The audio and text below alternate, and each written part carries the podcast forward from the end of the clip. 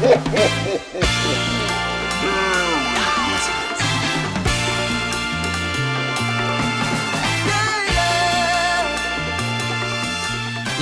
tok en eh, artig kar turen til Ekspresso-podkasten. Det var Johan Brand. Han kjempet seg gjennom eh, hardt vær og kulde for å være med i dag. Han fikk en cappuccino og en kokosbolle før vi starta, og da gikk energien til værs. Det var helt fantastisk å ha han med. Vi snakker om hans oppvekst og hvordan han som 16-åring fant ut at han hadde dysleksi, og hvordan det har blitt hans superkraft gjennom karrieren. Vi snakker selvfølgelig om reisen med Kahoot, hva de har lært, hva slags utfordringer de har møtt på, hvordan få i gang innovasjon, hva er det som gjør at innovasjon funker i praksis. Og så snakker vi også om livet etter Kahoot, hva er det han har lært, hvordan har Johan blitt bedre kjent med seg selv, hvordan klarer man å se seg selv utenfra, både som medmenneske, partner, kollega, for å fungere best mulig i samfunnet. Veldig ofte fra vi er yngre, og særlig med det tradisjonelle utdanningssystemet, som også var med å eh, påvirke Johan til å virkelig gå den retningen med Kahoot, var at vi ofte blir satt i bås, og samfunnets forventninger og roller er allerede pridefinert for deg, eh, som gjør at det er vanskelig for de som er på ekstremspektrene. Og Derfor var det kjempegøy og veldig lærerikt å høre mer om hans perspektiver på nettopp det å kunne være seg selv, og hvordan sørge for at læring blir unikt for alle, og at alle føler seg inkludert. Så det her er Johan Brand med en utrolig kul lue direkte fra Skottland. Så håper du finner episoden interessant, og som alltid, vi setter pris på at du lytter på podkasten. Og hvis du liker det du hører, gjerne legge igjen en kommentar og gi oss noen stjerner, de stjernene du føler at vi fortjener, så at eh, jeg, eller vi, for å snakke oss litt opp, kan fortsette å få lov til å prate med fantastiske folk og dele med dere. Dette er Johan Brand og Ekspresso.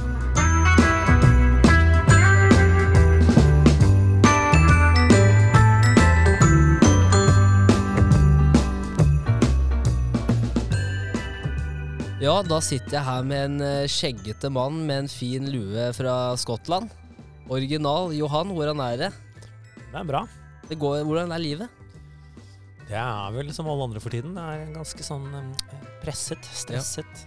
Men samtidig prøver vi å ha balanse. Jeg skal inn i julen. Jeg, da, det blir jo stress, så Ja. da må jeg jo liksom roe ned. Er du, er du et julemenneske, holdt jeg på å si?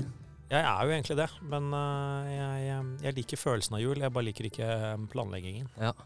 Hva er, hva er det beste med jula? Det her er ikke julepodkast, som jeg tenkte var fin. Det er, en er sånn skikkelig klisjé fra barndommen. Det var å stå ute og se på, gjennom vinduet inn på juletreet. og Ja. Det er stemningen.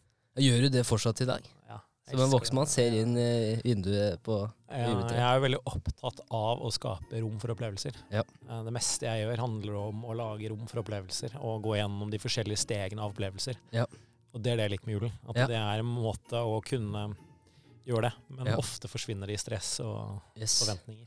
Ja, det er samme her. Og det, jeg har tenkt veldig mye over det de siste årene i forhold til uh, Jula er noe jeg forbinder med det mye Hva skal man si? Altså, altså tanken om jula er veldig magisk. Sånn der, Mm. Da kan man koble av, drikke litt god vin, lese en god bok, være med familie og venner. Men så merker jeg jul etter jul etter jul, så er det stress for at jeg har skilte foreldre som er til ett sted til et annet, og så blir det mer du skal på fest, og så kommer jo nyttårsaften, som også er liksom noe man fantaserer om hvert år, og så Det er forventningene. Ja, det er, det, er, det er julen er som alt annet jeg driver med. At man, eh, er som er barn. Man har så høye forventninger, så blir man skuffet når det ikke matcher. Yes, og i, i dag så skal vi jo prate om mye. Altså, det, altså Navnet Brant er jo kjent for mye. Og det har vært en skikkelig reise også de siste årene med Kahoot. Og jeg veit også at det, hver gang du har vært med på podkast, så er Kahoot ofte et tema.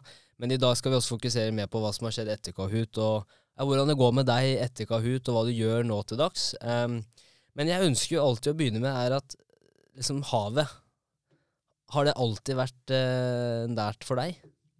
Ja. Um, mange er sikkert lei av at jeg bare snakker alltid om havet. Mm. Men eh, det er en gang sånn at jeg er overbevist om, er nesten sikker på, og har vel bevis fra en, eh, fra en familiemedlem at jeg er laget på havet, i båt. Ja. Mine foreldre møttes på havet. Mamma var kaptein på regattabåt, og pappa var mannskap. Ja, så du ble unnfanget på havet? Jeg ble nok unnfanget på havet, ja. Uh, en eh, sommerferie i 1979. Mhm. Og så har jeg vokst opp i havet, på havet. Og jeg har aldri hatt noe annet uh, feriemiddel enn båt. Mhm. Og jeg har jo vokst i fjæra. Jeg har vokst opp, liksom. Så De første 20 årene av livet mitt så har jeg bokstavelig bodd noen få meter unna vann. Så Mm. yes. Husker du det første minnet? Fra du var liten? Ja, jeg hadde vannskrekk, for jeg ble Ja. jo kastet i vannet av søstrene mine. Men um, uh, det er faktisk ganske morsomt. Noe av det første minnet mitt med havet er vannskrekk. Ja. Uh, som jeg obviously har da overvunnet. Og, uh, men har du overvunnet da vennskapet til dine, dine søstre også? Har dere, Nei, nei. snakker, vi snakker ikke sammen lenger. Nei. nei da. Jo da, absolutt. Jeg tror det var kort. Og jeg sikkert i mitt hode tenker at det er min søstre som gjorde det. For alt jeg vet, så er det min far som Ja. Han må ha eksponeringsterapi. Men jeg tenker liksom at det er søskene, for de pleier å være de som er Ja. minst hensynsfulle. Hvor mange søsken har du? Jeg har to eldre søstre. To eldre søstre. Jeg har også jeg har, faen, jeg har mange. Jeg har faktisk tre. Ja, Og én stesøster, så det er jo det, Jeg ble sikkert kasta litt eh, forskjellige steder, jeg også. Men, eh, men du har jo kjempa deg gjennom eh, kulda for å være med på, på podkasten i dag, og nå har vi endelig fått det til. Mm. Og det er, det er en ære å ha deg her. Dette har jeg gleda meg til. Um, jula kom tidlig, da, for å, for å si det sånn. Ja, det er bra. Håper jeg ikke skuffer deg. Nei, Håper det ikke gjør ikke. forventningene blir for høye. Nei, jeg håper cappuccinoen leverte òg. Ja, den var god. Og kokosbollen. Her er det Åh, Oh, den var god. For en pangstart. Men, eh, men ofte så eh, begynner vi i den podkasten med å, å finne litt ut at på en måte, hva, hva bruker du dagen din på i dag? Altså i disse dager, hva gjør du? Ja, du, det, vet du hva, det er et godt spørsmål.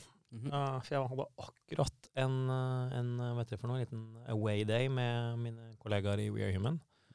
Jamies første reise til Norge på tre år. Um, Wow.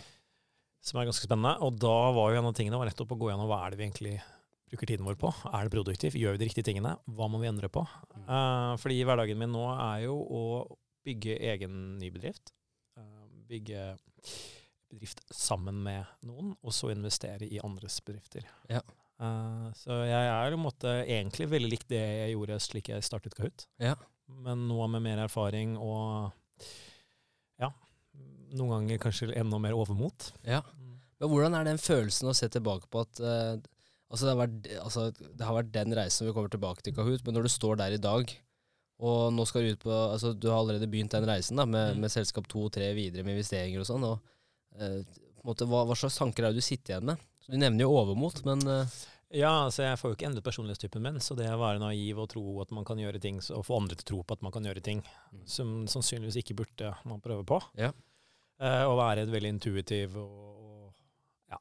Um, alt det, det har det ikke endret seg, men det jeg nå ser at jeg prøvde å ordne rundt når vi begynte å bygge Kahoot, og det samme nå er å prøve å få mer struktur på min egen, mitt eget liv, sånn at jeg er en bedre partner for andre og en bedre kollega.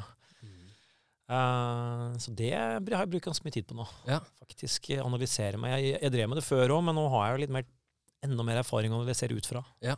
Men hvordan For det her er eh, Altså, jeg prøver å finne ut av det her selv, men hvordan får man hverdagen til å gå opp? For at det er Altså, jeg spør alle gjester jeg har med her, for at det Ja, jeg prøver å være til stede på alle plan, men så skjønner jeg at det er ikke mulig, og så Uh, Ja, så det er bare en sånn kabal som jeg føler at jeg ikke klarer å, å gå opp, da. Ja, nei, det er veldig, Dette er faktisk mye jeg bruker tiden min om for tiden, og for så vidt vært en dansk presse, for vi har investert i faktisk merkelig nok danske bedrifter Mm. som jobber med dette. Og det kaller man jo for uh, uh, på engelsk uh, neurological eh, eh, inclusion. Um, altså våre nevrologiske forskjeller Mm. som utarter seg i ekstremtilfellene som diagnoser, som ADHD, uh, dysleksi. Mm. Eh, Det kan også være at du bare venstre hånd hendt er en nevrologisk eh, variasjon. Og mennesket har masse nevrologiske variasjoner, og så har vi laget et samfunn som passer for en, normaltilstand, som er innenfor to rammer. Og mye av hverdagen er jo laget for måte, den, det mennesket. Um, og selv for dem så er det slitsomt, de som liker administrasjon og struktur osv. Og så oss som da er kreative og tidsoptimister, gjerne tidsblinde og har andre ting, vi sliter jo i det. Ja. Så du stiller spørsmålet, og kanskje den bransjen du er i, så er det en overvekt av oss Ja. som da har en nevrologisk profil som er um, til visse sider. Eh, Og flere av oss har jo da diagnose. Jeg er dyslektiker, f.eks. Ja. Um, som er en devronologisk variasjon. Det er jo ikke en sykdom, Nei. men det gjør at man lærer og gjør ting og strukturerer seg annerledes. Mm. Uh, så, så det er når du stiller spørsmål, samme spørsmål jeg stiller meg. For jeg lurer også på hvordan kan jeg være god kollega, hvordan kan jeg være forutsigbar, Ja. hvordan kan jeg bruke mine ekstremevner Mm. for de er, og hvordan kan jeg bruke mine ekstremevner både for å være en god investor for eksempel, eller selskapsbygger, eller hjelpe selskaper med å se ting de ikke ser, fordi jeg har en måte å se verden på. Mm. Istedenfor å prøve å være perfekte pappa, slik A4-boken i Norge sier at du skal være mellom 9 til 5. Ja. For den eksisterer ikke. Nei.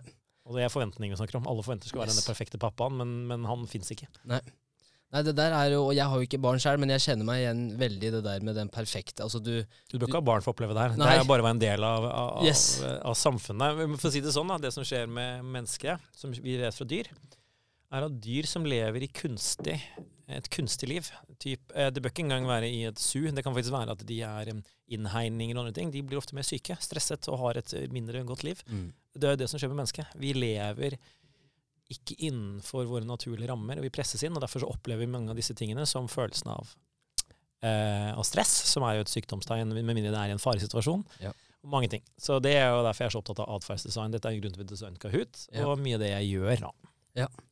Og du nevner, jo, du nevner jo dysleksi, og det fant du ut som 16-åring. Og, og kan du fortelle litt om altså fram til du var 16 år? For du nevnte jo også at det, eh, du, du jobbet jo med noen som også klarte å, å påpeke at det, det var en skjult eh, på en måte, altså dysleksi, men at det var noe som, som ble litt skjult i forhold til oppveksten din. Ja. Men hvordan var det å, å Hvis du ser på den tida før du ble 16, da, for veldig ofte så kan jeg tenke meg at det er veldig mange barn som går rundt og ikke har fått diagnosen. Ja. Eh, men så skylder man på andre ting, at ja, det, det barnet er ikke helt normalt, eller Yes. Ikke sant? Hvordan var det? Nei, og det er noe, jeg noe jeg også i voksen alder har tenkt mye mer på, for jeg prøvde å analysere tilbake uh, for hva vi satser på framover også. Hvordan var mitt liv, og har det påvirket avgjørelser jeg har tatt? Hvordan informerer det hvordan jeg faktisk gjør ting? Mm. Eh, det som er interessant med det, er jo selvfølgelig Ja, jeg var heldig at jeg har gitt, noen, jeg har gitt en form for dysleksi som gjør at jeg kan kompensere for den. Som er en fordel. Men det som skjedde, var at jeg unngikk situasjoner. Jeg har jo da selvfølgelig trent opp andre evner. Eh, men denne forståelsen av at man er lat når man ikke får til noe. Ja. Fordi folk tenker om du er smart nok, for du gjør det sånn. Så derfor så er jo konklusjonen at om du er lat når du ikke får til det. Eh, det påvirket meg, for jeg trodde at jeg var umotivert eller at jeg hadde noe sånt i meg. Ja. Eh, som selvfølgelig når du da får beskjed når du er 16 år, så skjønner du at jeg er jo ikke lat. Det er rett og slett at det der er veldig, veldig vanskelig for en som meg. Um, og for noen som da kanskje ikke har mestring andre steder, så er det veldig nedslående, for da føler man seg dum. Jeg hadde flaks, jeg hadde andre mestringsarenaer. Uh, ikke bare da ofte som skjer i sport og andre ting, jeg hadde det på skolen òg. Ja. Um, men det gjorde jo at jeg hadde veldig mye frustrasjon og episoder med mye sånn selvpisking. Fordi eh, dette burde jeg jo få til. Uh, det er jo veldig mye nederlag og vanskelig. Men kanskje bygget meg som karakter òg, men jeg ønsker jo ikke at mine barn skal gå gjennom det samme hvis de hvis. Men hvilke, hvilke ferdigheter var det du blei sterk på? Hvilke ferdigheter som eh, en, altså, Johan unggutt, hva, hva var det du likte å bruke tida di på, hvor du tenkte at det, er- det her Nei, jeg er en problemløser. Um, så det, og, og veldig visuell sådan. Um, så jeg svarte jo på oppgaver gjennom um, visuelle medier. Um, flaks at Mac-en kom akkurat da jeg var liten gutt, så jeg kunne faktisk allerede på ungdomsskolen levere inn oppgaver uh, visuelt og bruke tegnprogrammer osv. Så, uh, så utviklet jo mine ferdigheter um, veldig tidlig, og lærere som godtok det. Ja. Så det jeg fikk gjort, var at jeg fikk utviklet min visuelle eh, problemløsning og den, den visuelle delen av hjernen min. Um, og den assosiative delen av hjernen. Alle de tingene ekstremt mye. Ja. Jeg ligger latent for meg, men jeg fikk også trent opp veldig. Som en, en ting er talent, det andre er treningen som gir evnene. Så det har jo gitt meg mye av det jeg har nå. Hva var de tingene som var utfordrende, hvis du ser tilbake på den tida? Nei, det er eksempel en av tingene at jeg, eh, hvis jeg leser, så kan jeg ikke lese høyt. Mhm. Jeg leser først, og så gjenforteller jeg. Ja. Um, så det å skulle stå opp og ha et manus uh, Derfor hater jeg manus i alle andre formål nå, for jeg har også mye dårlige assosiasjoner med det. Så jeg fikk aldri trent på det å følge et manus. Uh, men det har trent meg opp eksempel at når jeg, når jeg skal snakke, så bestemmer jeg for hva som skal bli sagt. Og så lar jeg hodet stokke det sammen selv. Um, så du trener opp en del sånne ganske gode egenskaper på det. Uh, og så blir du veldig god til å finne ut av hvordan du bruker andre mennesker for å oppnå det du vil. Ja. ok, hvilken sammenheng? Nei, uh, hvis jeg f.eks. vet at uh, jeg kommer jo ikke til å få skrevet det her. Eh, jeg kan skrive kort og kult, men jeg kan ikke skrive langt og bra. Så da må du jo faktisk finne andre som kan være med på å skrive det. Så kan jeg for da utvikle konseptene. Ja. Komme med ideene, innspillene. Eh, bruke den kreative siden min, som gjør at de andre syns det er lettere å skrive langt. Fordi de sliter kanskje med nettopp det å la, ha, kalle det eh, originale tanker, Ja. eh, som er min styrke. Eh, og kunne det man kaller for lateral thinking. Mm. Eh, så det ser jeg jo, og dette er jo nå Nå er det jo da 40 år gamle Johan som analyserer 12 år gamle Johan. Ja. Eh, men jeg ser jo det. Jeg har brukt mye tid å gå tilbake for å se. Så, så jeg ser jo det at det har vært min styrke. da. Men det å klare å, som du sier, det er problemløser og få med seg folk, altså få folk med seg, det er jo også veldig eh, altså, utfordrende for mange. For at mange sitter jo med gode ideer, men det er også det som du sier, da, det å kunne klare å kommunisere det. Og, og, og sørge for at man har et felles mål å jobbe mot, men at vi utfyller hverandre. da. Mm. Var det noen eh, altså Vi snakka jo før her, for jeg hadde jo gjort litt research.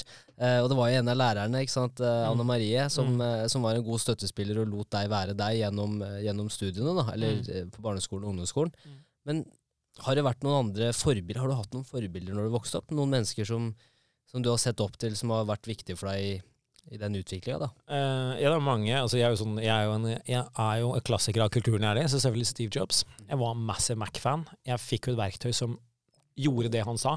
Han lagde maskin for at de, Han sa det jo, ikke sant. Så han lagde maskin sånn at folk make a dent in universe, ikke bare konsum. Så jeg var 100 følte at der var noen som lagde teknologi som ga meg muligheten til å utf utfolde meg. Ja. Jeg elsket jo hele tankesettet og alt sammen. Så selvfølgelig massive fan. og påvirket meg masse. Og da de han har dratt inn som inspiratorer. Eh, som han har jo da pekt på de som kom før han igjen, og det har jeg automatisk gjort. Um, og så er det sånne ting som nå har veldig mye med det jeg driver med i WeHuman, er jo også sånne, sånne som Jacques Cousteau, som ble det han var pga. interessen sin. Han, han fant opp dykkerting pga. at han nå målet sitt. Ja. Så de som har påvirket meg, er jo den type mennesker som ikke skal si at jeg skal finne opp det for å finne det opp, men jeg skal til månen, Ja. så da må jeg lage en rakett. Mm. Ikke sant? Eh, det elsket jeg med Jacques Cousteau, det er det jeg elsket med Steve Jobs. Eh, det liker jeg med, mm, med mange av dem, og, det, og der er jo også nordmenn. Altså, jeg er også veldig fan av f.eks. Arne Næss. Ja. Ikke sant? Altså, jeg er jo veldig, jeg syns det er veldig gøy med filosofi, fordi det er veldig assosiativt, veldig åpent for tolkning. Ja. Um, så jeg har også vært veldig opptatt av den norske grenen for liksom, økofilosofi og sånne ting. Mm. Du nevner jo det å tenke stort, og nå ser det ut som altså, i Norge at vi blir flinkere til å som Veldig ofte så prater man om janteloven, men jeg, altså, jeg merker ikke så mye til den som kanskje veldig mange skal ha det til. Men du, altså, du det å tenke stort og, og tørre å prøve.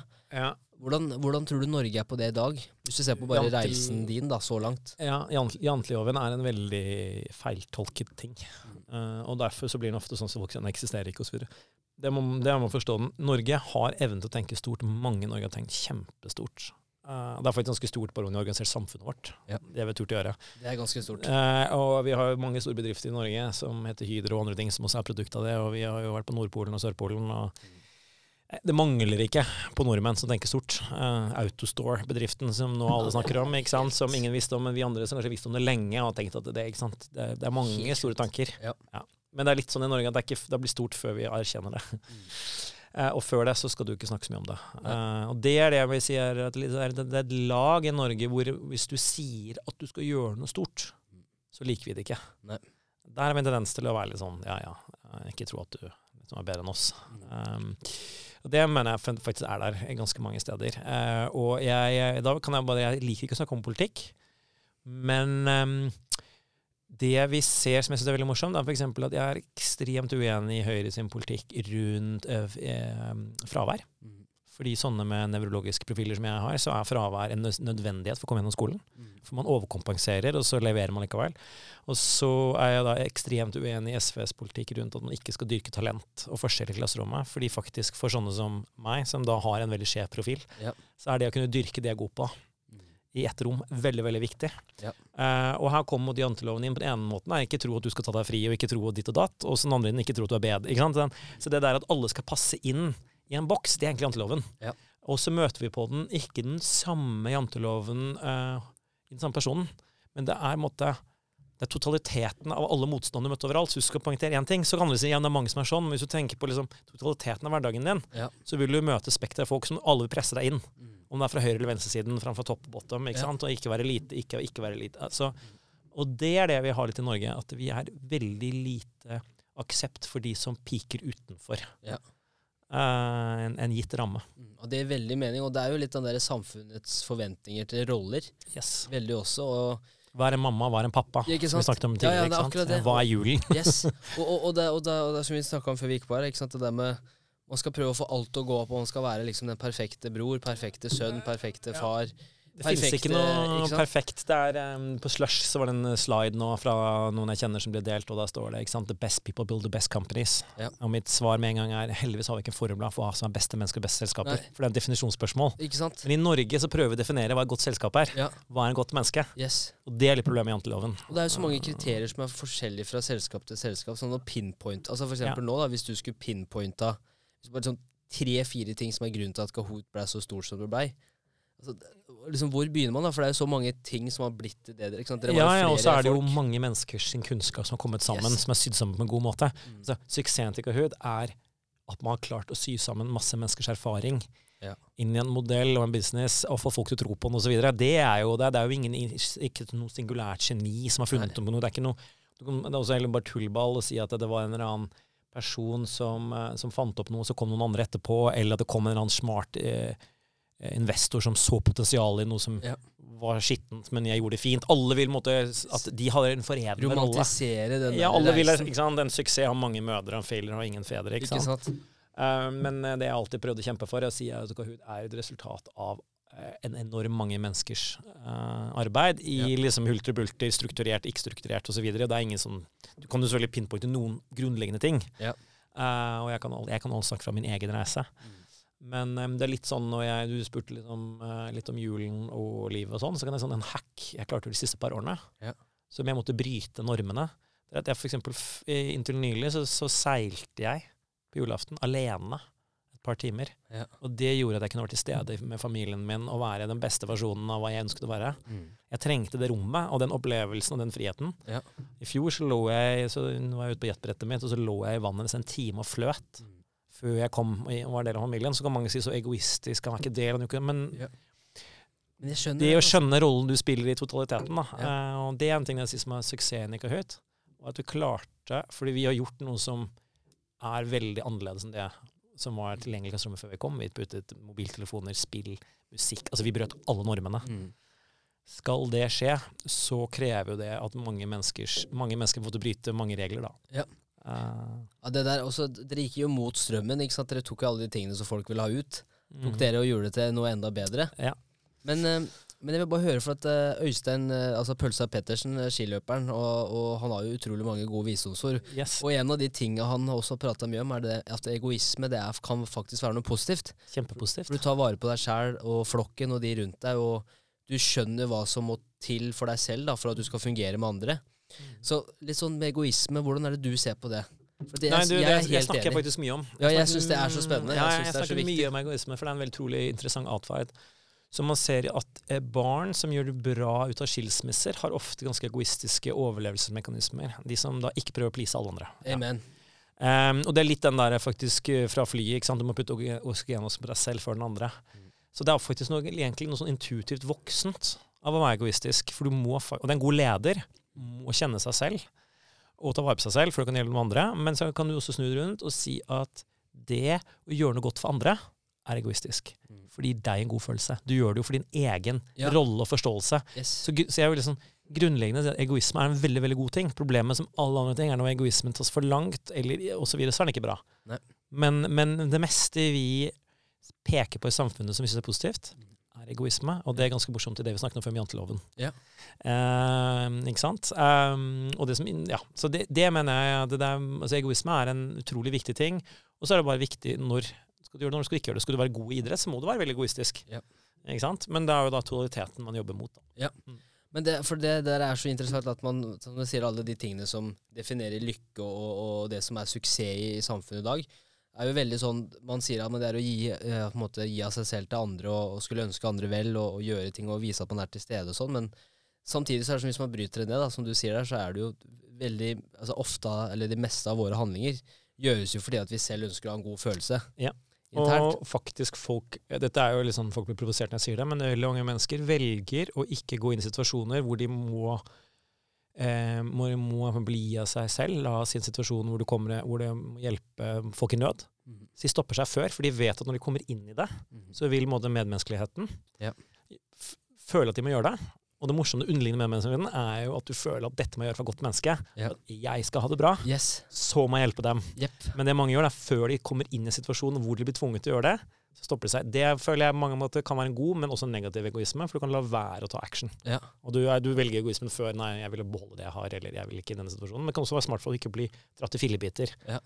Um, Men det er, jeg, jeg, jeg jeg syns flere bør begynne å tenke litt over det. da, for at det, mye så, altså Som du sier også, du har brukt mye tid på å gå inn i deg selv og tenke hvordan er det jeg fungerer med meg selv og, og rundt de andre. Men jeg tror veldig mange ikke tør å gjøre det.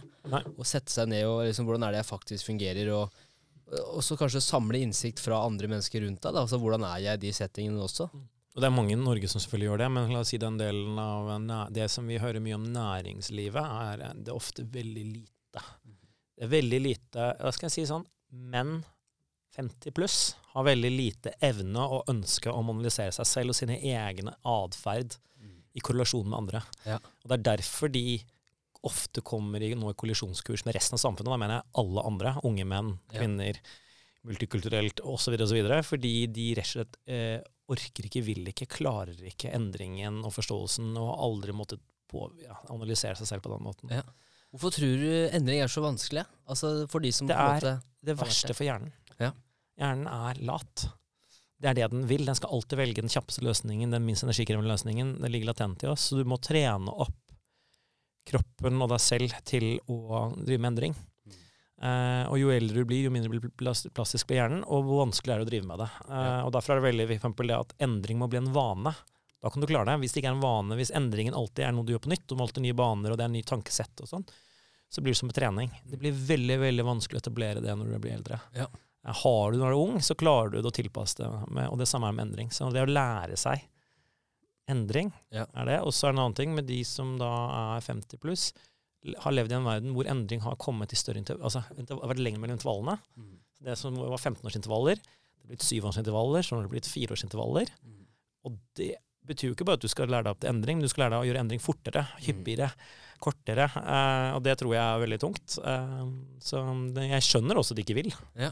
Men eh, som deg, da, når du, du, når du vokste opp også, og du så alle disse endringene i samfunnet, altså, hva slags ambisjoner hadde du? Altså når du var da 16 år? Ja, men når du er ung, så har du ingen forståelse av det, så du tenker jo bare at eh, alt er mulig. Ja.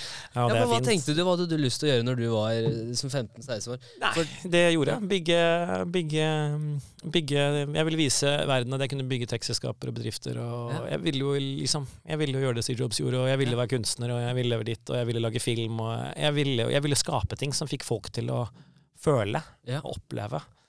Det der er Eh, interessant i forhold til at eh, For du, altså, du, du flytta jo til England også, og så ble det jo Du gikk jo kunst Skottland. i Skottland. Eh, Skottland, det er viktig å skille. Ja, Det Det er er, viktig det er faktisk etter hvert veldig viktig. Yes, og det burde jeg skjønt med den Du har jo skott, lue fra Skottland Yes. på toppen her. Eh, men, og der møtte du jo Du møtte Jamie i Var i Skottland i Edinburgh? Nei. Ed, Ed Jamie møtte jeg i London, så når jeg sluttet på skolen i Edinburgh etter studiet, så var jeg kjapt innom gründerskolen. Mhm. Og så uh, tilbake fra gründerskolen. Via gründerskolekontakt, som heter Ingjerd Jevnaker, så endte jeg med å finne jobb i London. Ja. Uh, og da møtte jeg Jamie. Og kunst. For at eh, du har jo litt assosiasjoner til kunst fra fa familien. Ja.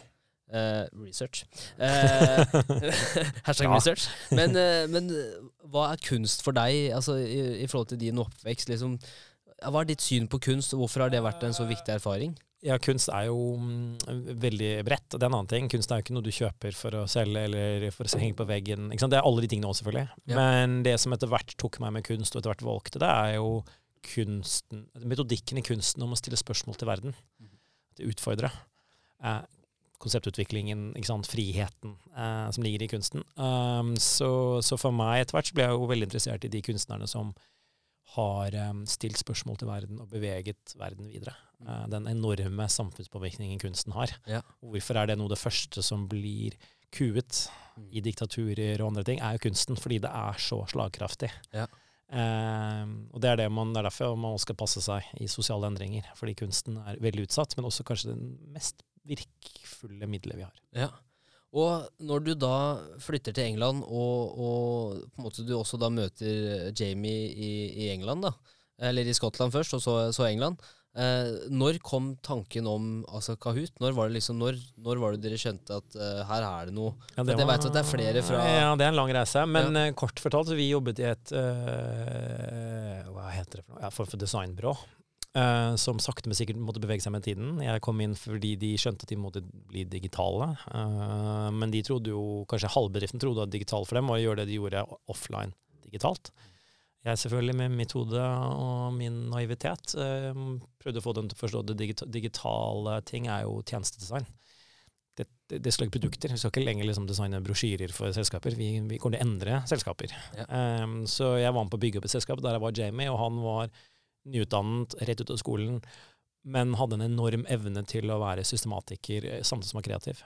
Så vi lagde et veldig godt samspill. Jeg trengte han veldig for å klare å gjøre mine crazy ting. Og så tror jeg han trengte meg. Akkurat det snakket om han kan gjøre langt, og jeg er kort. Så vi fant en veldig god dynamikk, Mm.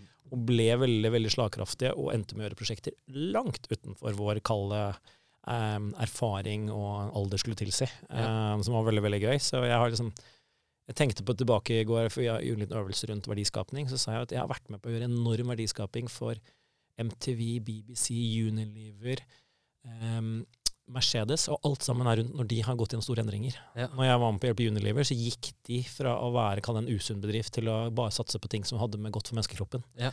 Eh, Samme med Daimler. De skulle omstille seg fra at folk ikke kjøpte biler, til at de ble tjenester. Og, ja.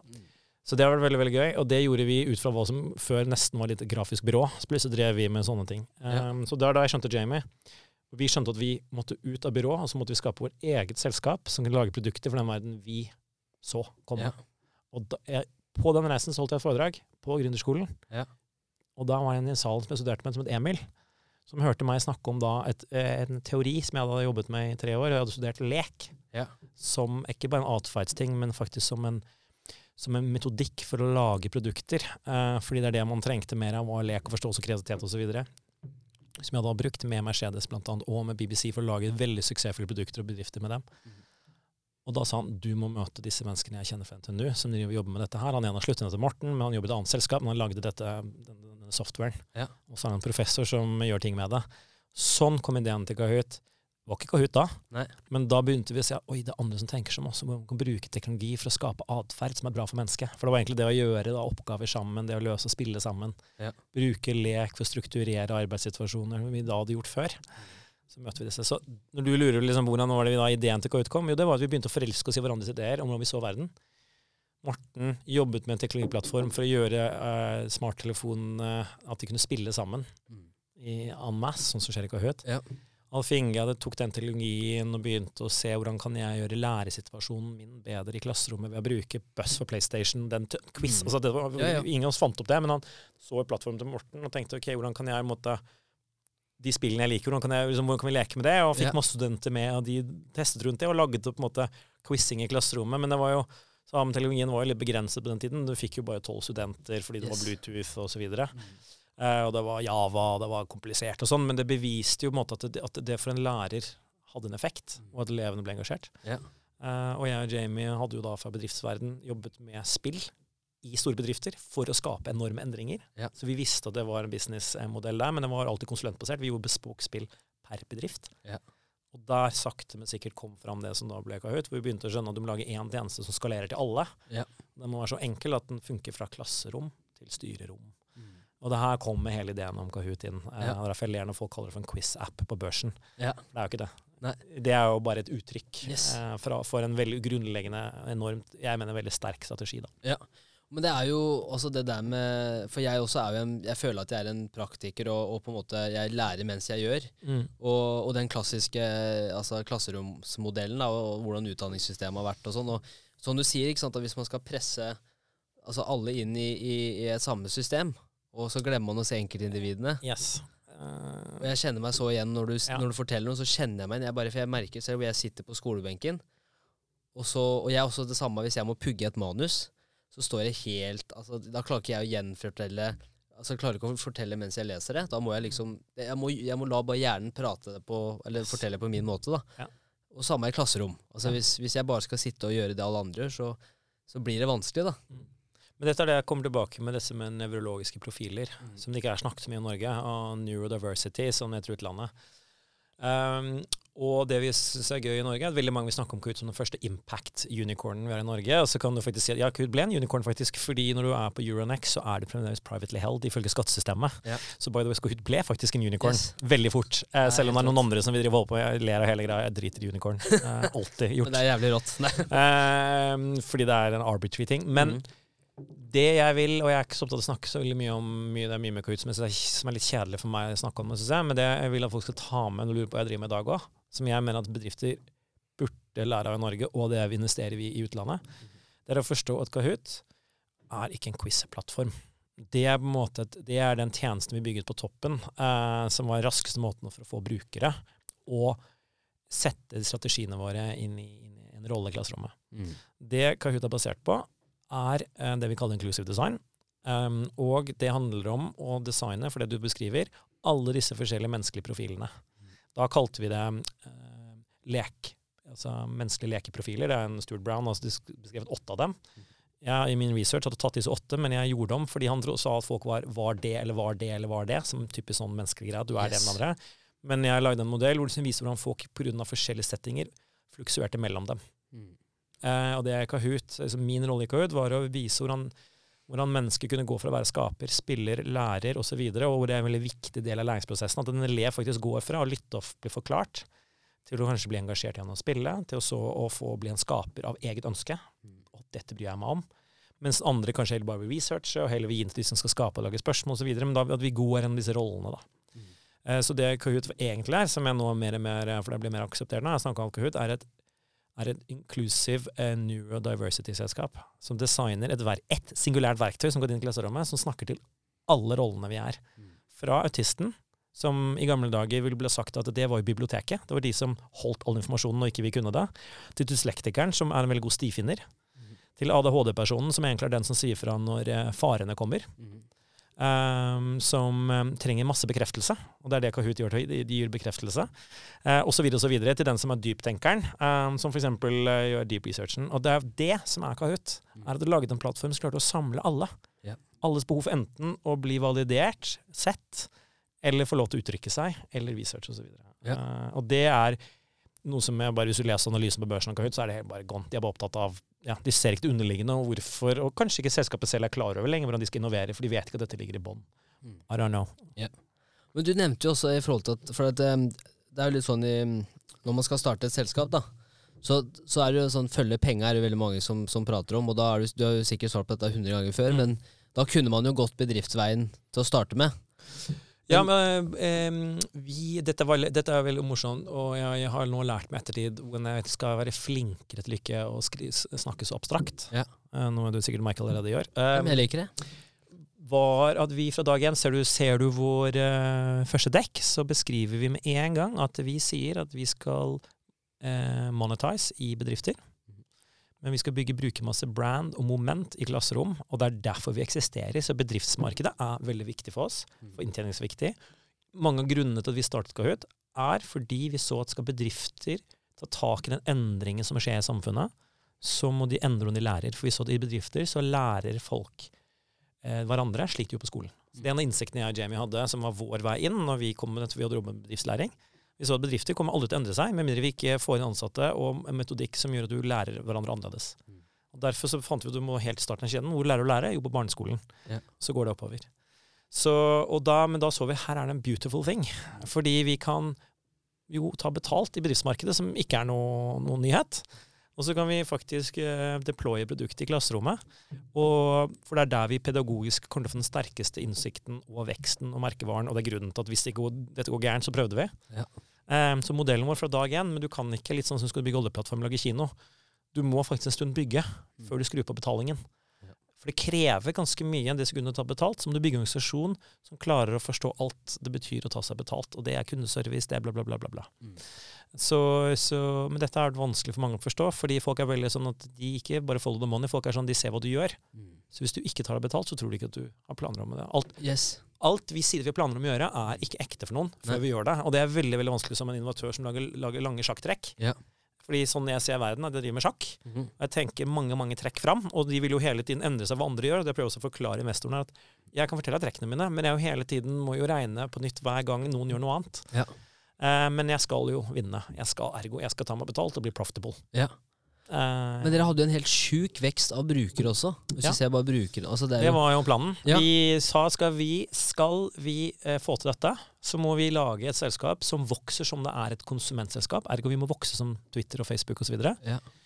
Uh, og det er faktisk ikke noe problem å gjøre i klasserom, fordi klasserom er homogene. De er veldig like. Så hvis du bare finner ut av hva som skal inn, og hvordan det skal gjøres, Mm. så er det masse word of math. Og vi hadde data på at andre selskaper vokste Ja. i klasserom, og etter at vi kom, så har det vært mange som har skjønt at klasserom kunne vokse. Og derfor så var det ikke interessant å vokse fort i klasserom, for det er veldig lett. Ja. Det er liksom som korona nå. Mm. Um, men vi brukte det, og det narrativet, og fordi vi var veldig flinke til å passe på at Kahoot brukes på fest, Ja. så kom det investorer som så tallene, og så så de at det var utenfor klasserommet også, så tenkte de we're gonna get rich. Yes. Uh, fordi ikke Spotify, ikke Mm. sant? Ja. Så vi var veldig manipulative. Ja. Vi visste triggerne til investorene, vi visste triggerne til samfunnet, så hvis vi bare gjør det, så ja, da har vi en sjuk vekst. Men helt ærlig, det er ikke så veldig vanskelig å vokse i et homogent environment når alle gjør det samme, er helt like og er tvunget til det. Ja. Eh, det er bare å forstå atferdsdesign og så. Yes. Ja. Men atferdsdesign, da. Eh, hvordan, liksom, hvordan mennesker gjør handlinger som de gjør. Mm. Og mennesker er jo komplekse, men samtidig veldig enkle, da. Mm. Og hvis du, hvis du skal vi kom fra reklameverden. Yes. eh, designverden, Mm. eh, som har holdt på med dette i veldig mange veldig mange, mange år. Ja. Så vi, det er masse god eh, eh, i kunnskap om hvordan du får mennesker til å gjøre ting. Mm. Um, så det er bare hvordan du velger å bruke det. Ja. Eh, så det det, dette har ikke vi funnet på. Vi Nei. bare leste litteraturen, så på tingene. Vi gjorde masse på Stanford og så på BJ Fogg som driver med atferdsdesign. Ja. Hvordan skal du lære deg å ta pushups, liksom? Eh, Mhm. Hvordan kan du hacke det så folk gjør det? Ja. Har du noen, har du noen takeaways? Er, har du noe du vil dele? Hva er liksom vært eh, noe av det viktigste hva skal man si, altså for å få folk til å gjøre det du ønsker å gjøre, da, gjennom å skape produkt eller en tjeneste? Ja, jeg håper jeg kan gjøre en shout-out til kona til Alexander Voksen, for de har akkurat startet Nudge Lab. Nudge Lab? Ja. Ja. Uh, jeg tror vi var på God morgen Norge for et par dager siden. Mhm. Men, eh, så det er masse kunnskap om det, og du kan ikke bare få en hack av meg, og så gjør du det. Men det er, en, det er jo et eget fagfelt. Eh, det viktigste er å forstå hvilken atferd du ønsker at altså, Som jeg snakket om før, du må, du må vite hva du vil at skal være sluttresultatet. Mm. Så kan du finne metodikken for at det skal skje. Dessverre for oss mennesker så er vi så lette å manipulere at vi kan ende med å velge Trump til president Yes. eller stemme på partier som er motsatt av det vi ønsker oss. Fordi um, du, det er påvirket, det er hvordan du blir dytt, nudget, dyttet, Ja. uh, som gjør at du ender opp der du ender opp. Uh, og så er det mange som etterpå stemte på brexit og ikke skjønner hvorfor. Ikke sant? For, men kritisk tenkning, hva tenker du om det? Altså i forhold til at Altså Ekkokamre snakker man jo ofte om, og, sosiale medier er jo bare en forsterker av Det er som vi snakket om, ikke gå inn i, handler vel, veldig mange går inn i ekkokamera, for da slipper de å bli utfordret. Ja. Da slipper de å ta stilling til det de tror på, kanskje annerledes. Nei, det er menn med menn 50 pluss osv. Yes. Det- Folk vil ikke at den virkeligheten de har embedded i seg selv, skal endres, for det gjør vondt. Mm. Ikke sant? Så det å ta inn over seg og endre standpunkt er ofte at man folk gjør det ikke fordi det er fysiologisk eh, slitsomt. Mm. Ikke fordi du egentlig ikke vil det sånn andre grunner, men det er, det er grunnen som stopper deg. Ja. Eh, og det er jo det folk utnytter til å passe på at du eh, at du endrer standpunkt, f.eks. og blir da en, eh, en fanatiker, eller at du blir, gjør QAnon og sånne ting. Det er at de forsterker de tingene i deg som ligger latent, som gjør at du måtte, som føles deilig. Mm. Får bekreftelser, du får forklaringer på hvorfor du sliter, f.eks. Ja. Hvorfor du ikke må gjøre noe annet. Mm. Eh, og litt sånn gøy vi hadde startet verden, var mange var sånn ja, ja, hadde vi også fått WC-penger, så hadde vi også kunnet ha suksess. Eller så kunne vi Ja, ja. Kahoot. Og da er jo sånn ja, Du skjønner det ligger et problem i det du sier, ikke sant? Ja. Fordi det er jo ikke sånn at jeg fikk WC-pengene. og det er ikke en, Jeg arvet ikke de pengene av WC-en, liksom. Og så han kom for han syntes jeg var så søt. Ja. Men ja. Um, er for det, altså, Hva skal man si, altså det er bare med altså, Som jeg tenker over selv også, i forhold til at jeg prøver å bli flinkere til å eksponere meg for andres meninger, sånn at jeg kan mm, prøve å forstå andre mye bedre også, forstå meg selv utenfra. mm, Men jeg ser jo hvor lett også at eh, For eksempel den podcasten er jo et klasseeksempel. At jeg, eh, jeg kan fort havne i et sånt mønster hvor jeg, eh, hvor jeg sånn, som, sånn som deg, da. Du er en person jeg ser opp til, ikke sant? for det du har fått til. Og jeg føler at vi har veldig mye likhetstrekk. mm. Men så er jo den nøkkelen for meg også er jo å ta det steget ut. Ok, men kanskje jeg skal også prøve å komme i kontakt med folk som er veldig annerledes enn meg selv. Da. Men det er Ja. veldig fort å havne i det Det mønsteret. er kjempevanskelig, og de kan uttrykke andre ting som du ikke du vil. Du vil du bare sånn Ja, men jeg vil ikke um, ha de holdningene, for jeg liker jo ikke det mennesket på den måten. Sant? Er- Ja. Man finner tusen grunner til å gjøre ting. Men jeg må si sånn, personlige trenere bruker jo andre personlige trenere for å trene. Ja. Ikke sant? Så det er det å forstå at mange ganger så er det ikke at du, skal, du klarer ikke de tingene selv. Nei. Så det du må tørre å gjøre, er å velge forum og steder og strukturer hvor det hjelper deg med å gjøre det. Mm. Um, det er derfor man har problemer med sosiale medier nå. At de, de, de brukes jo feil vei, ikke sant. Ja. Um, så det, det her, dette, er, liksom, dette, er, det store samfunnsdiskusjonen nå. Det man ser i USA, alt sammen. Så jeg har ikke noe easy fix på det, men det jeg syns er vanskelig, er at de som har makt nå, de lever veldig på å utnytte dette. Mm. Og derfor skjer ikke endringen, for de vil jo ikke. Nei. Fordi de er redd for å miste makt. Og det er en annen problem. Folk gjør ofte ikke endringer fordi de er redd for å miste det de har. Ja. Posisjonen de er i. Og du har, Man tenker at endring ofte assosierer man med å få mindre, fordi det er krevende eller vanskelig usikkerhet. Ja. Uh, og det er jo de store tingene, og det er det som er farlig. Sånn, jeg har masse respekt for Grete Thunberg, men samtidig så er det også et problem med at hun polariserer. Det er lett å bruke henne mm. for hvorfor man ikke skal. Ja. Ikke? Og hun ser hun nok ikke det selv, at hun på mange måter kjemper en god kamp, mm. men hun kan misbrukes ja. veldig lett fordi hun er så polariserende. Mm. Hun, hun, representerer egentlig akkurat det man trenger hvis man ønsker det motsatte. Ja. Og det er det man snakker med å forstå atferd. Og da kan man la henne nesten mer av henne, mer og mer av henne. fordi uh, du har noen eksempler i amerikansk politikk også, hvor faktisk vi elsker dem og vi hyller dem i Europa, men faktisk i USA så har de motsatt effekt av sluttmålet. Ja. Men det er jo også, for Jeg, jeg snakka jo med, med Jon Christian Ellen om det her, og i forhold til at du ser statsledere rundt i Europa også, som eh, så, så, på en måte, altså, eh, Hvordan de ønsker å kommunisere og sånn, er ikke så viktig så lenge de klarer å få det de ønsker å få til. Og det er yes. makt, som du sier. ikke sant? Ja. Så mange er jo sånn, Og dette er prinsipielle ting vi må også tenke på, som vi prøvde å bygge Nikoi. At mange er sånn Ja, men jeg kan lyve så lenge jeg oppnår det jeg vil, for jeg er jo god. Mm. Problemet er bare at da har du etablert deg ok å lyve for å oppnå målene sine. Ja. Og da har du brutt mange ting. Så de, det det krever en utrolig ryggrad og langtidsforståelse å gjøre de riktige tingene. Mm. Og kanskje av og til rett og slett tape. Ja. Og skjønne at du mange ganger må tape over tid for å vinne i lengden. Ja. Uh, og det var jo sånn som i Kahoot òg. Vi, vi, var villige til å ikke gjøre kjappe grep, som f.eks. å lage app for apps skyld, fordi det var da man fikk finansiering. Mm. Og vi sa nei til noen svære investorer som ville app, for vi visste at problemet er jo at det kommer til å drepe oss. Ja. Uh, I det lange spillet så er ikke dette veien vår til mål, og da må vi si nei til han superkule svenske investoren fordi han vil ha app, fordi det er det de måler på. Ja. Uh, og det samme er litt i samfunnet. Hvis du skal velge politikere som Det problemet vi har, er at politikerne velges og strukturerer seg selv ut fra fireårssykluser. Ja. Men de begynner valgkampen to, to år før, ergo du har, liksom, du har egentlig ikke noe tid. Nei. Og vi driver med meningsmålinger yes. og ja. For det er jo et langtidsspill, og det gjelder jo livet generelt òg, som du sier, ikke sant, de sjakkbrikkene. da, Å tenke langsiktig og prøve å se seg selv hvor ønsker man å være om noen år. og, og, jeg, og jeg, ser jo det selv også med, med statslederne, at de, de, sier jo egentlig bare det de eh, trenger å si for å bli valgt. Ja. Og så tenker de ikke over de neste som kommer etter. Og, men, Eller altså de vil. Jeg tror mange av dem vil og ønsker ja. det, og de har store ambisjoner om det, men så kommer virkeligheten. Ja. At det er litt sånn du også hører som jeg fikk med Kauta, at du må jo stay alive ja. til å redde verden. Så jeg finner balansen. Mm den er veldig vanskelig. Så det er ikke sånn, det er ikke sånn at jeg ikke tror mange politikere har de lange tankene og ønsker å gjøre det, men det er, du er litt fanget i spillet. Ja. Um, og det mener jeg jo der for da kunsten kommer inn. Uh, det er mange kunstnere som ikke er populære i sin levetid. Mm. De lager vel likevel kunsten de føler at de må, må få ut, og som er riktig, osv. Og, så og så blir de jo ofte populære når verden har catchet opp til deres unike uttrykk, teknikk, eh, samfunnsbilde um, osv. Ja. ja. Men nå, når du ser tilbake på den reisen, altså, først og fremst er spørsmålet Trodde du Kahoot kunne bli så stort som det det har blitt nå? Det er så morsomt, fordi en side av meg er sånn Ja, selvfølgelig. Det, ja. Jo, eh, og det sa jeg jo. Ja. Og jeg har det på tape, liksom. Jeg har video av det. Ja. Eh, men samtidig så Én ting er å tro på det sånn, eh, sånn ung gærning, og det andre er sånn Men virkelig, liksom. Ja.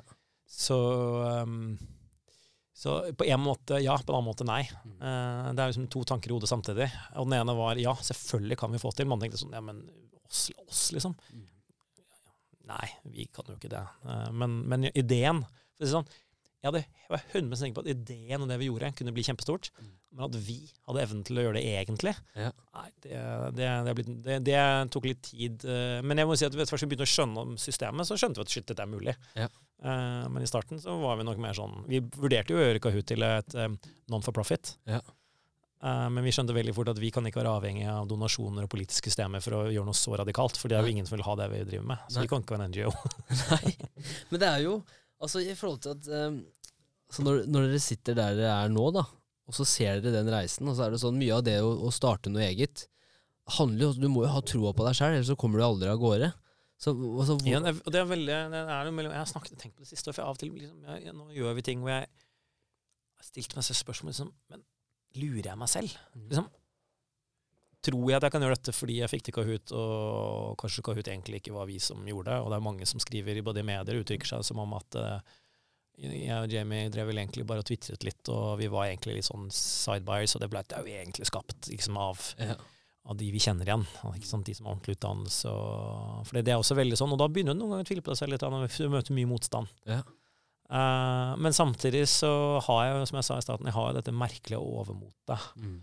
Og veldig intuitivt. Ofte tenker jeg Jeg ser det ikke som så stort og fantastisk det man prøver å få til, sånn som det ut. Ja. Før jeg ettertid skjønner at det man spør om, er jo helt sjukt. Mm. Å putte mobiltelefoner og gaming og musikk og atferd i klasserommet som er motsatt av det alle andre ser for seg. Men for meg var det helt naturlig, for det er sånn du skal gjøre læring kult igjen. Yeah. Som var min greie, og man skal lære bedre bedrifter. Så for meg var det, var det helt sånn Men det er jo det som må til. Uh, og så har jeg jo i ettertid begynt å forstå hvilken enorm challenge vi faktisk gjorde. Jeg tror, og jeg tror at vi var så naive til det, gjorde at vi faktisk gjorde det. Jeg tror alle andre hadde jo bare lagt ned. Og, eh, altså, de hadde ikke prøvd på den måten, de hadde prøvd de alle andre måtene. Ja. Fordi det fremstår så sjukt. Så det, og det må jeg innrømme at det prosjektet jeg driver med nå At da kanskje de siste tiden eh, har da jeg fått den samme følelsen og begynt å skjønne at det vi prøver å få til, er jo helt crazy. Mm. Eh, hvordan skal vi klare å kommunisere det sånn folk skjønner at eh, vi er ikke ko-ko, liksom. Ja. Men Men Kan du gi en smakebit der, uten at jeg tenker at du er ko-ko? Ja, altså det vi, det vi prøver å gjøre, vi driver med å skal utvikle en svær eiendom ute på Fornebu sammen med Selvåg, Mhm. som er ved vannet. Ja. Um, og den skal gi et bidrag til hele Fornebu og Norge og verden ved å um, skape grobunn for um, det grønne skiftet i den blå økonomien. Det er spissingen, og utgangspunktet så er det Det gjelder hele samfunnet alt sammen, men man, fordi den ligger ved vannkanten, så ser vi at vi trenger flere vi trenger mer kunnskap og flere steder hvor man kan på en måte praktisere, apropos lære, den endringen som skal komme. Og at man at eksempel Eden i England, som er et sånn økosenter og sånn, man skal forstå, at mye av de tankene som for 20 år siden var nettopp sånn attraksjons for å se på, Ja. det skal nå implementeres inn når man bygger bygninger um, for framtiden. Ja. Så det vi prøver å gjøre her, er jo å bygge et, eh, et, et, bygg, et, eh, et 50 000 kvadratmeter i Fornebu som eh, ikke drar med seg det man kaller den strukturelle gjelden som man har når man bygger svære motorveier eller bygninger. Du kan du bare se på Equinor-bygningen. Den var bygget for en tid, den er ikke sånn lenger. Men man har bygget bygningen som har en strukturell gjeld. Ja. Akkurat som eh, eh, klasserommet hadde når vi kom inn, hadde en strukturell gjeld. Vi måtte utnytte det som var der. Ja. Men det vi ser nå når vi bygger nytt, da bør vi bygge noe, nå har vi lært tingene, hvordan kan vi bygge mer fleksibelt, lett? Og da tenker jeg ikke bare i ren eh, betongmasse, men også at fordi endringene kom hyppigere, så kan du ikke tjene inn bygningen i sin levetid på gamle måten. Man, den må faktisk endre seg med tiden. Så vi, er liksom, vi utvikler nå et konsept som um, gjør at man kan bygge da hva som fremstår som et helt klassisk byutviklingsprosjekt for næring, med et akvarie for framtiden. Og det er garantert ikke hva du tenker om akvarie. Vi flipper jo hele modellen. Ja. Akkurat som vi flipper klasserommet. Mhm. Ikke sant? Ehm, og hvordan du tenker rundt hvordan banker skal finansiere. De har de gamle modellene. Hvordan kan vi få denne moderne tankesettet til å matche modellene til bankene? Mm. Uh, det er derfor jeg nå prøver å reflektere mye selv over at jeg må passe på det vi, det vi framstiller, er veldig business sound. Mm. Det er faktisk den beste veien fram. Ja. Uh, men det må spille på lag med samfunnsendringene, etikken. Fisk i bolle er ikke så veldig kult. Nei. Men å observere og forstå naturen, det er veldig kult. Ja. Det er jo det at akvariet skal gjøre, og menneskets samspill med naturen. Ja. Um, så det vi jobber med nå, er da å bygge et konsept som er finansierbart. Mhm. Som vi og Selvåg skal putte til verden og finansiere og bygge, sånn at du kan gå og leie kontor på Fornebu og, og måte velge å være der, for du ser at dette her er jo sånn vi skal leve framtiden. Dette er den første. Av mange, eller dette er det første stedet som har lært av disse tingene, og så blir det videre og videre. Jeg vet ikke om, om Jo, du skjønte det, noe av det? jeg skjønte noe av det. Ja. Og jeg lurer på, hva, hva, hva ser du for deg i forhold til framtidens by, da? Altså, hvordan, hvordan ser altså, Oslo er jo en by i seg selv, men altså, hvordan, hvordan ser Oslo ut om eh, 100 år? Jeg vet, jeg, jeg vet ikke. Jeg tror jo på mange måter så vil jeg nesten tenke deg at naturen har måte, tatt over en del av bygningene, men vi fremdeles bruker bygningene. Ja. Eh, Vi kommer til å bringe naturen mye mer naturlig inn i bygningene. For naturen på mange måter eh, Vi bør ikke bygge så mye strukturer alltid. Naturen har det. Vi må bare Litt sånn som at du endrer kursen på en elv. Eh, Jeg tror vi kommer til å ha mer sånn samspill. Ja. Vi gjør veldig mye sånn counterintuitivt. Vi er faktisk å bygge bygninger. Vi, vi må motvirke naturen istedenfor å spille på lag med naturen. Ja. Eh, det er så enkelt som at man i Norge bruker mye At man borer i bakken, og så lager man et, et, opp, et omvendt uh, kjøleskap for varmehusene, sant, som er veldig energieffektivt. Så jeg tror bare framtiden vil gjøre sånn som vi gjør nå. Det tar tid, det tar lang tid. Se på bygningen du sitter i, den er kjempegammel. ikke sant?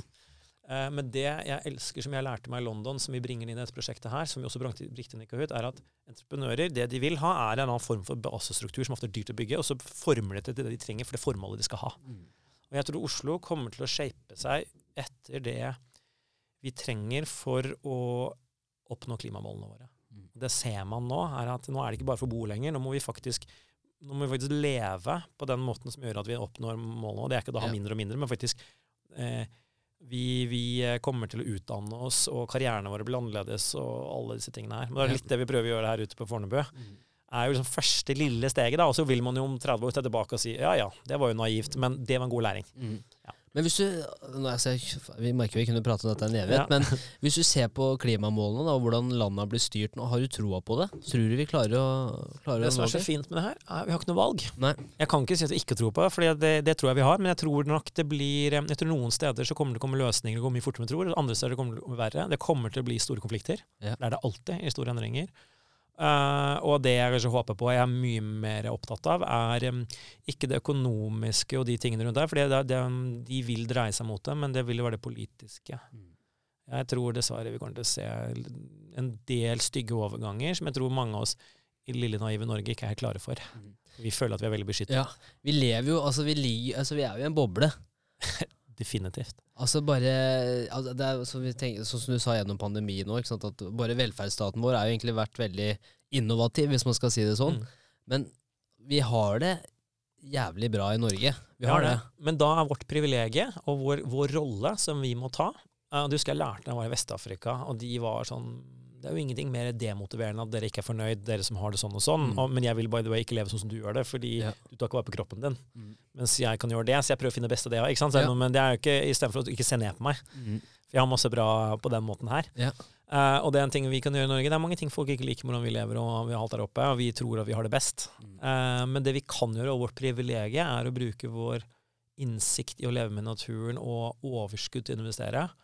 Til å teste ut modeller osv., og, så videre, og så gi det tilbake til verden. Og det er det vi gjør på Fornebu.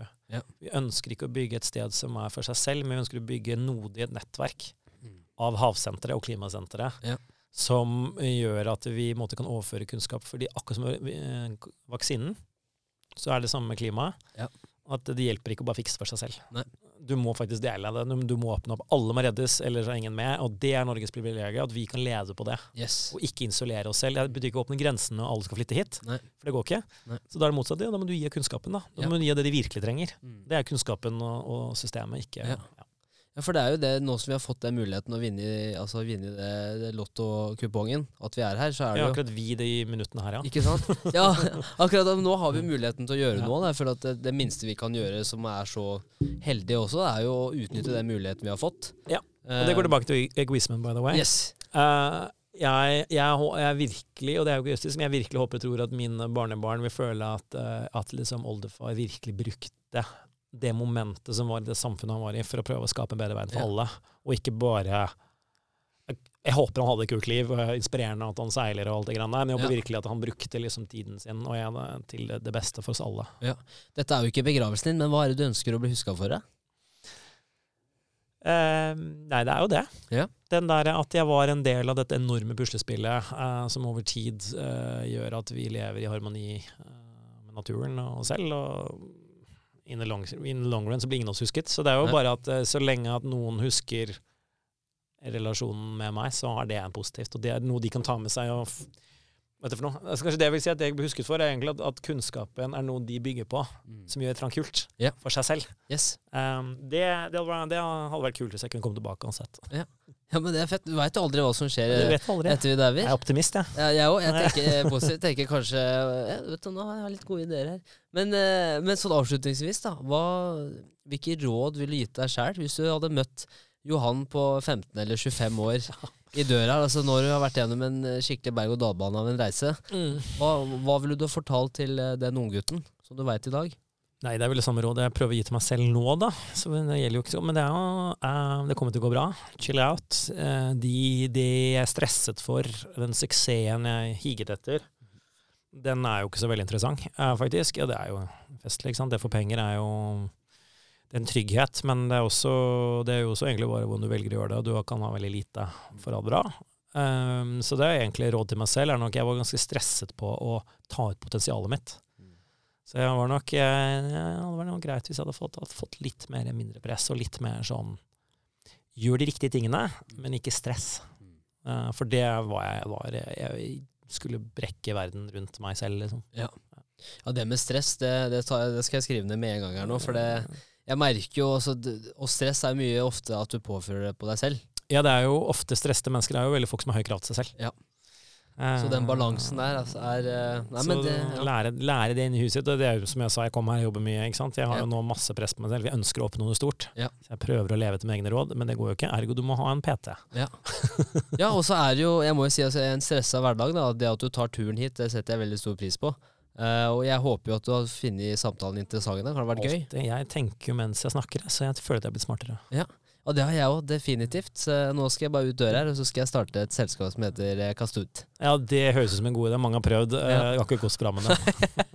jeg, får, jeg, får, jeg, får, jobbe hardt for å prøve å, for å sammenligne. Det, det derimot, det angrer du aldri på. Ja, Nei, det er sagt. Altså, hardt arbeid, det føler jeg også har vært viktig. Ja, da, for å få Jeg la ut en artikkel i går foregårs om det, at det er veldig mange, de fleste startups feiler jo. Mhm. Hva gjør du da? Ja. Ja, da tar du med deg læringen, og så går du og får deg en jobb, eller prøver på nytt. Uh, det er jo Failure er jo når du faktisk ikke lærer av feiling.